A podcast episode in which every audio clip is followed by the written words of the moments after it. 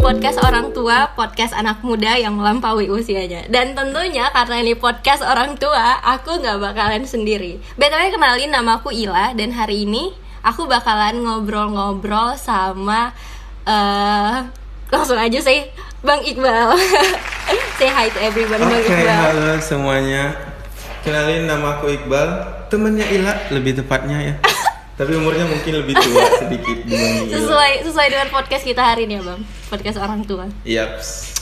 as you guys can see on the title eh, judul judul podcast kita hari ini tuh tak tersentuh tapi terpakai bang Iqbal Oke, agak menarik iya ya. bang what do you think ketika dengar sesuatu tak tersentuh tapi terpakai abang kepikirannya apa tuh Eh, apa ya? Kayak contohnya bisa banyak sih lah. Kayak eh, benda-benda yang kita nggak bisa sentuh tapi bisa terpakai. Misal kayak aku kepikirannya oksigen gitu atau apa, bener tapi sih. ini Iya. pesugihan juga bisa sih bang Oh iya. Kenapa?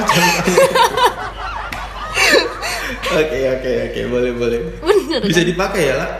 Kali ini spesifiknya sih kita ngomonginnya tentang uang sih bang Oke nice. Kalau pesugihan tuh uangnya dari mana ya? Ada perurinya sendiri nggak ya? nggak tahu sih bang Nggak. nggak tahu sih bang soalnya nggak pernah jangan-jangan Nggak, pernah ya Nggak ada. Bercanda. Oke. Tapi kalau kan tadi uang ya, uang kan bisa kesentuh lah gitu nggak sih? Bisa Hmm. kita pegang gitu, tersentuh. Tapi kita hari ini ngomongin uang yang tidak bisa tersentuh. Oke nice. Jadi uang apa ya namanya? Model baru atau formatnya kali ya yang baru ya? Versi modern nggak sih? Hmm, versi modern. Ya. em, kalau ngomongin uang tuh, eh semua orang tuh pasti make uang kan bang. Terus tapi semenjak Yes. semenjadi pandemi ini atau semenjak adanya internet, pasti eh, beberapa hal di kehidupan kita itu berubah gitu kan. Nah, salah satunya uang. Uang sendiri kalau sekarang itu udah banyak berevolusi nggak sih ngomongnya? Iya berevolusi, lebih tepatnya berevolusi. memang. Berevolusi. Apalagi di masa di masa pandemi sekarang ya, Kak. Kayak orang takut keluar rumah gitu dan takut bersentuhan barang yang banyak disentuh orang misalnya gitu kan. ha-ha. Dan Jadi ya kita juga ya, ya misalnya kayak kita dapat kembalian waktu belanja itu agak was-was juga gitu misalnya uangnya udah disentuh sama berapa banyak orang misalnya kayak gitu. Betul. Simpelnya kayak gitu. Gitu. Apalagi kalau uang ya pasti kayak dari satu orang dia tuh udah kayak berpindah-pindah gitu ya bang. Iya sebenarnya. Velocity ya. Velocity. Di belajar ekonomi itu velocity Aduh. namanya. Oke. Tapi tuh kan kalau abang bisa kepikiran nggak sih bang kalau misalkan eh, di masa pandemi itu nggak ada yang namanya internet gitu. Nah eh, apa ya jadinya em, kehidupan kita sekarang gitu. Apalagi kayak sekarang nih kita ngobrolnya via zoom gitu kan. Atau misalkan karena tadi ngomongin uang dan sekarang uang itu udah berevolusi eh, atau mungkin bisa dibilang digitalisasi gitu lah ya Hmm, iya iya. dan udah jadi eh, transaksinya no apa sih namanya? Cashless gitu kan? Cash. cashless. Nah. Kalau kalau bisa dibayangin ya, kalau tanpa adanya teknologi seperti sekarang, itu bisa diambil contoh kayak misalnya flu Spanyol dulu ada pandemi kan, atau beberapa wabah yang jadi pandemi di Eropa dulu, cukup mengerikan sih lah. Misalnya yang paling sederhana informasinya nggak kesebar secara eh, merata Yes. gitu ya. Jadi misalnya orang di desa sangat ketinggalan misalnya kalau nggak ada teknologinya. Itu kenapa sih aku cukup sepakat jadi teknologi itu sebagai faktor paling penting adanya lompatan ya, lompatan peradaban gitu. Jadi orang di desa punya informasi yang sama dengan orang di kota. Nah, itu kebantunya di masa pandemi sekarang gitu. betul betul betul tapi kalau ngomongin tadi karena kesenggol-senggol ekonomi nih kalau sebagai seorang Iqbal Harfi yang ekonom gitu ya ekonom eh, menurut abang gimana sih kondisi perekonomian Indonesia saat ini saat ini gitu due to COVID-19 kan? Hmm. kalau di akar rumputnya sebenarnya agak terganggu sih awal-awal tapi sekarang kalau aku lihat adaptasi orang Indonesia itu keren sebenarnya lah Gimana tuh? Ya, jadi apalagi e, masyarakatnya itu akar rumputnya adaptif sekali kalau menurutku.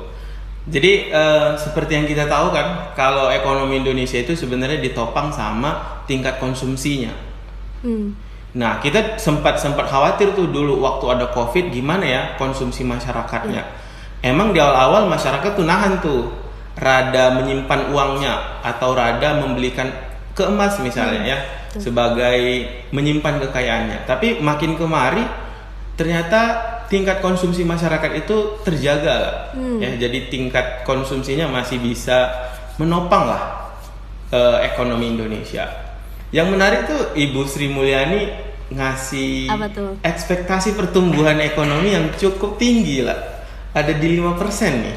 Keren ya? Dan menurut abang itu bagus atau malah kayak hmm nggak mungkin deh gitu? Eh, optimisnya harus kita ini ya, harus kita apa ya, harus kita dukung lah ya. Harus didukung. Harus didukung ya. 5% ya kita jabanin lah gitu ya. Orang Indonesia mah adaptif kalau aku bilang. Tapi Apa-apa kita belanja di online sekarang kan, tapi bisa nggak menurut abang? itu bisa mendukung. Bisa, bisa. Aku yakin bisa sih lah. Bisa ya. Insya Allah. Insya Allah. Bisa, bisa. Em, terus speaking of eh, uang digital gitu atau eh kalau ima tuh loh bang. Jadi tuh Ila tuh ada bingung sedikit sih sama yang namanya imani. Imani itu termasuk eh apa sih? Kan kita ada kayak uang digital terus eh ya nggak sih? Kayak imani sama uang digital tuh sama nggak sih bang menurut abang?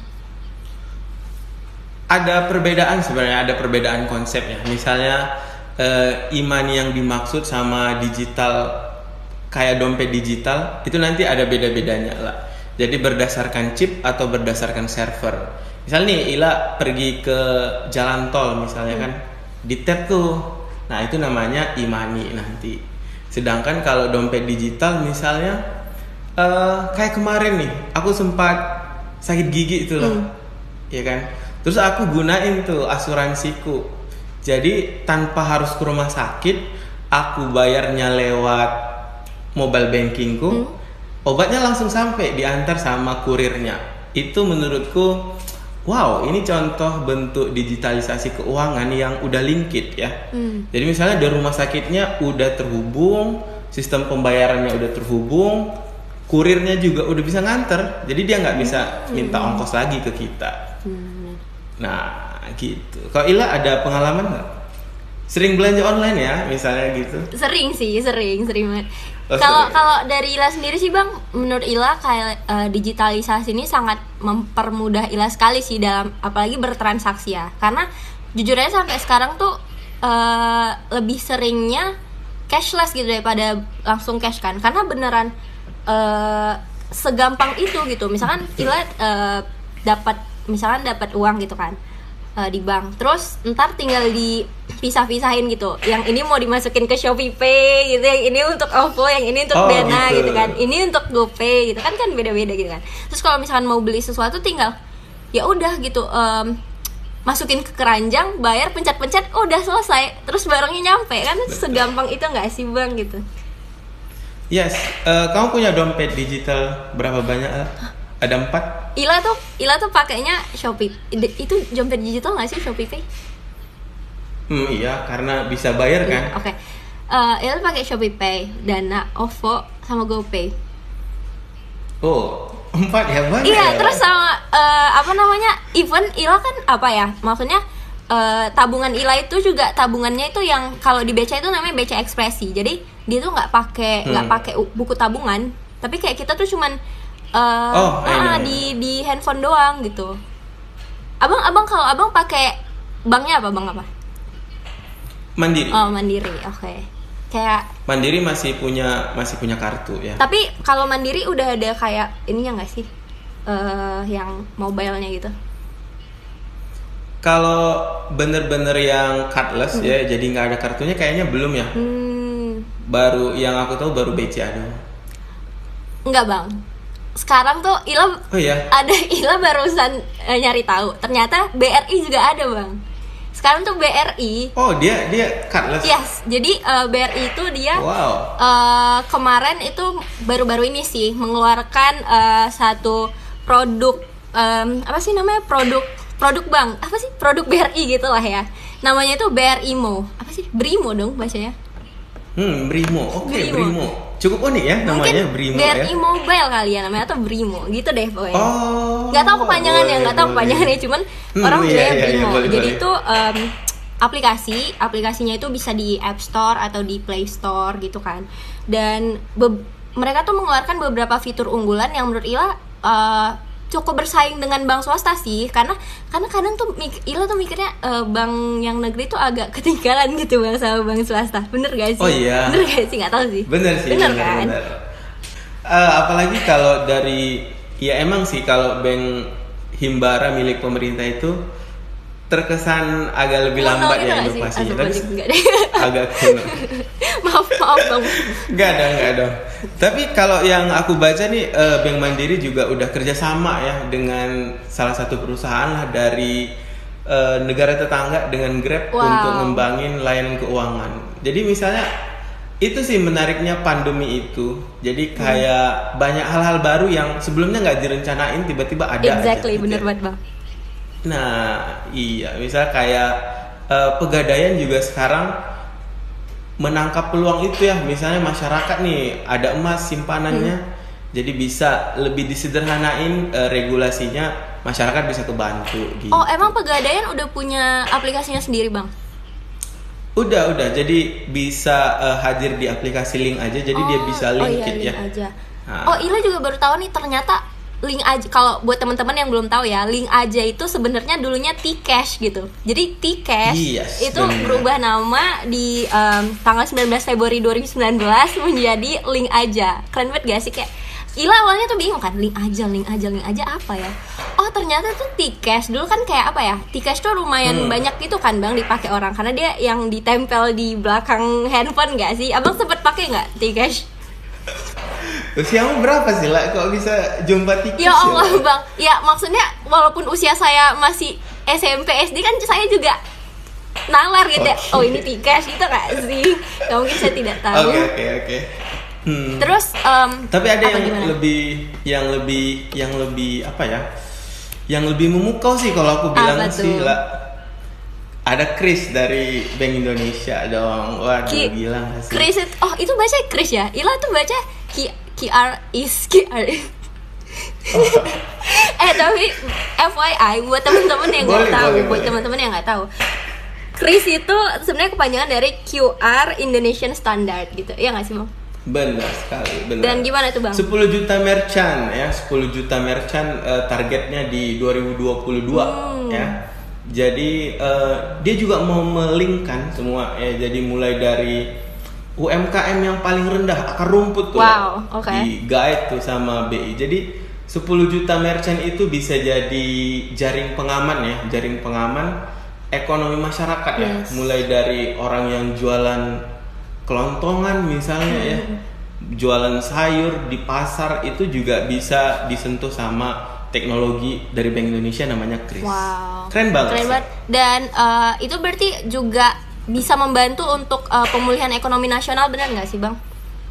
Yes, pastinya dong itu eh, salah satu produk angga andalan Bank Indonesia sih Waduh, kayaknya. keren. Dan harus didukung sih.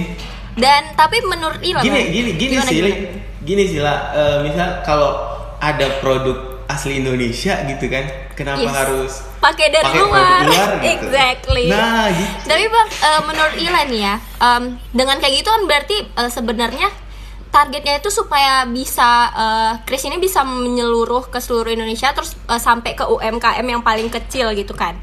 Nah, tapi Hmm. menurut Ila em, dengan adanya Kris itu tuh kan butuh internet gak sih? But kita tuh butuh internet. Yes. Nah, eh, dan sebenarnya itu menurut Ila masih kurang di Indonesia. Jadi tuh em, akses internet itu belum rata di seluruh Indonesia sampai ke pelosok-pelosoknya dan menurut menurut Ila itu yang perlu dibenahi dari pemerintah sih. Yes, eh, jaringan ya lah ya. Hmm, apalagi eh, kalau dibandingin nih dengan negara-negara yang udah lebih maju selangkah ya kita bilang selangkah, Selangkah lah ya. ya. Udah iya selangkah. Mereka udah udah berantem soal 5G, eh, 6G bahkan udah keluar isunya ya kan. bahkan ada yang Dan ini ya, bang kita berharap bahkan ada Hmm. yang eh, chip-chipan tuh kayaknya Waduh. iya tuh, aku aku sempat baca tuh. Ila Ila udah baca juga ya. Eh, dikit-dikit bang tahu dikit-dikit gitu lah kelewat-kelewat Hmm. Iya di dua tahun yang lalu ternyata Swedia udah gencar mengembangkan namanya single chip. Jadi mulai dari data pribadi tuh ada di situ lah. Misalnya kartu tanda penduduknya, tanda pengenalnya udah ada di situ. Terus data keuangannya juga. Tapi yang serunya ditanam di tangan lah. iya Gimana tuh? da- iya sih katanya itu juga bisa mengganggu dari segi kesehatan sih bang Hmm. Tapi kayak keren banget gak sih Swedia dari dua tahun yang lalu coy Kita aja sekarang masih kayak eh, apa ya Belum semaju itu gitu Eh, itu itu yang disebut sama konvergensi sih lah. Masih ingat nggak? Enggak bang apa tuh Coba Konver- ulang. Pendengar kita juga gak tahu nih bang konvergensi apa Oke gini, aku sharing aja. Konvergensi itu kayak eh, seberapa lama tuh satu negara ngejar negara lain. Hmm. Ya, Misalnya Indonesia nih ketinggalan sama Jepang misalnya di otomotifnya. Hmm. Sebenarnya berapa lama sih Indonesia bisa ngejar tuh ya dari Jepang? Hmm. Itu namanya konvergensi. Nah, syarat dari konvergensi itu berhasil adalah lompatan sebenarnya. Hmm. Nah, misalnya kayak Swedia tuh dia melakukan lompatan. Jadi dia pionirnya di situ, bukan jadi follower ya. Ah I see Nah, kayak gitu. Jadi eh, satu sisi emang sangat beresiko, namanya juga pionir ya. Pasti resiko terbesarnya akan harus eh, ditanggung. Yes, bener. Tapi udah mereka berhasil jadi pionir dan ya mereka berhasil melakukan lompatan untuk konvergensi itu dengan bersaing dengan negara-negara Eropa lainnya gitu lah. Keren banget sih tapi Tapi speaking of Keren. produk BI nih bang Ada lagi nih satu Oke. produk BI yang menurut Ila keren banget sih Waduh, apa tuh? Eh, namanya itu jenisnya itu CBDC. CBDC itu kebanyakan Wah. dari Central Bank Digital Currency. Asik. Ya asik, asik. Itu tuh sebenarnya itu tuh apa ya? Nama produknya itu sebenarnya digital rupiah. Mungkin Hmm, Bang Iqbal lebih tahu rupiah. tentang di- digital rupiah. Enggak, dari Ila dulu. Apa yang eh, mungkin dari Ila nih kan sebagai mahasiswi sekarang yang lagi aktif, terus ada tuh dengar berita online CB apa CBDC. eh, Central Bank Iya. Digital Currency ya. Apa tuh yang yang kegambar? Apakah kegambar? Oh, aku nggak bakal megang uang rupiah lagi, aku nggak bakal megang uang logam lagi, atau ada gambaran lain lah soal Eh, CBDC Waktu ini? Ila awal-awal dengar tentang CBDC tuh awalnya tuh sebenarnya dari dari radio ya bang. Jadi tuh sebenarnya Hmm. eh, semalam tepatnya semalam eh, tiba-tiba tuh kelewat di radio digital rupiah digital rupiah terus Ila dengar sampai Ila cari tahu oh ternyata digital rupiah itu Ila tuh kepikirannya digital rupiah berarti oke uang digital tapi eh, uang digital rupiah tapi Ila tuh mikirnya kayak apa ya bedanya sama eh, imani imani lain gitu. Atau kayak eh, dompet digital yang lain gitu kan. Dan Ila tuh yang Ila yang Ila cari tahu tuh yang Ila tangkap tuh cuman kayak ini tuh produknya BI jadi kayak dikeluarin langsung sama BI tapi masih masih eh, have no idea sebenarnya gimana cara make ya gitu. Oke, eh, kalau dibilang cara makainya sebenarnya lagi digodok juga ya sama BI. Hmm. Gimana konkretnya belum belum kegambar, tapi kurang lebih eh, itu akan melenyapkan ya. Namanya waduh melenyapkan melenyapkan melenyapkan apa nih eh, uang-uang yang selama ini kita kenal. Jadi emang kita lagi mengarah ke ya apa ya kalau dibilang cashless ya. Ya kita akan tersambung ya. Jadi kita link semua masyarakat Indonesia semuanya punya akses ke akselerasi sistem keuangan. Jadi dari CBDC itu orang jadi lebih harapannya BI kemarin bilang stabilitas nilai rupiah lebih terjaga kalau pakai CBDC. Itu sih single objektif dari BI-nya. Kalau konkretnya kita tunggu aja Berarti- ya dari Pak Ferry Warji. belum belum pasti ya bang tapi itu menurut abang Belum kepikirannya itu eh, CBDC itu aka- akan seperti kartu kah atau beneran beneran se eh, cuman kayak dari handphone gitu atau gimana Eh, kalau konsepnya eh, CBDC itu kan adalah apa ya? Jadi tugas atau kinerja Bank Indonesia doang. Jadi dia punya sebuah regulasi di mana dia bisa atau diberikan kewenangan untuk mengeluarkan digital currency-nya. Jadi CBDC itu sebenarnya untuk Bank Indonesia-nya sendiri. Nanti produk turunannya dari CBDC itu akan disalurkan melalui bank-bank umum. Nah, jadi iya jadi dia bentuknya produk eh, produk tunggal yang ada di bank sentral kita yang mana Bank Indonesia ya. Jadi turunannya nanti yang akan kita gunakan melalui bank-bank umum. Kalau aku misalnya dari Bank Mandiri nih ada fasilitas apa atau ilah dari BCA tuh bisa gitu. Oh gitu. Berarti eh, kita tunggu aja ya bang ya gimana sebenarnya nanti hasil Iya, dari CBDC. Iya, Kayak gak sabar banget gak sih gitu? Yes, itu jadi ini sih jadi capaian kalau aku bilang capaian salah satu capaian terbesar di Indonesia sih kalau itu berhasil dilakukan. Ya sebenarnya eh, soalnya lo pernah baca juga katanya tuh kayak salah satu eh, simbol negara atau eh, kedaulatan atau apa gitu lupa deh. Baik gitu. Iya dong. Eh, jadi lebih lebih susah untuk malsuin uang rupiah ya kan? Sim simpelnya tuh kayak oh gitu. iya benar benar benar. Keren sih Nah. namanya udah digital rupiah. Eh tapi itu Iya. bang ini mungkin out of topic sih tapi itu kayak mirip gak sih sama misalkan tuh bitcoin gitu kan bitcoin tuh orang bisa pakai jadi alat Waduh. transaksi gitu itu mirip-mirip gitu gak sih bang modelnya jadinya Kayaknya udah dua episode ya. dikit lagi bang dikit lagi Eh, sebenarnya bisa dibilang mirip, bisa dibilang enggak sih. Kenapa bisa dibilang mirip? Karena dia basisnya adalah eh, teknologi ya. Jadi seperti dengan judul kita tak tersentuh tapi terpakai. Berarti kalau dari situ bisa dibilang mirip. Tapi bisa dibilang enggak mirip lah. Kenapa? Karena satu legal dari BI-nya, yang satu waduh aku nggak mau bilang. apa tuh kau bang Tapi iya iya kan eh, kita tahu sendiri lah kalau di Indonesia cryptocurrency itu masih jadi ya ranah diskusi abu-abu Yes, benar. apakah legal atau ya gitulah ya. Jadi eh, satu sisi bisa dibilang mirip, satu sisi bila bisa dibilang ya better nunggu CBDC aja. betul betul sih ya lebih support CBDC sih support BI Ya. hashtag support BI no? Oke boleh boleh. Oke, last nih bang, Eh, sebelum kita Hmm. closing, karena kita nih mau ngomongin tentang eh, PEN atau pemulihan ekonomi nasional gitu. Hmm iyalah. Kalau apalagi karena kita nih pandemi gitu kan, Pa- eh, kan waktu awal-awal pandemi itu kan pasti kayak eh, ekonomi merosot, semuanya menurun gitu kan. Nah, untuk menurut abang eh, apa sih hal-hal yang bisa menjadi eh, salah satu faktor pemulihan ekonomi nasional? Oke, kalau aku bisa cerita sebenarnya gini sih lah. Orang-orang di desa itu short time-nya, jadi dalam jangka pendek itu justru nggak ngeh apa dampak COVID kepada ekonomi mereka. Iya, iya, oke. Jadi mereka cuman cuman baca di berita COVID lagi melanda, tapi mereka nggak ngeh nih apa dampaknya ke kami gitu kan. Karena karena mereka cuman tahu harga sawit per kilo atau harga sayuran per kilo berapa turun atau naik. Nah, berkembangnya informasi mereka la- langsung ngeh tuh. Oh, ternyata orang nggak bisa datang ke pasar. Maka sayur yang kami jual kurang pembelinya, Exactly. maka akan berimbas ke kami. Jadi day by day mereka baru baru ngerti tuh lah.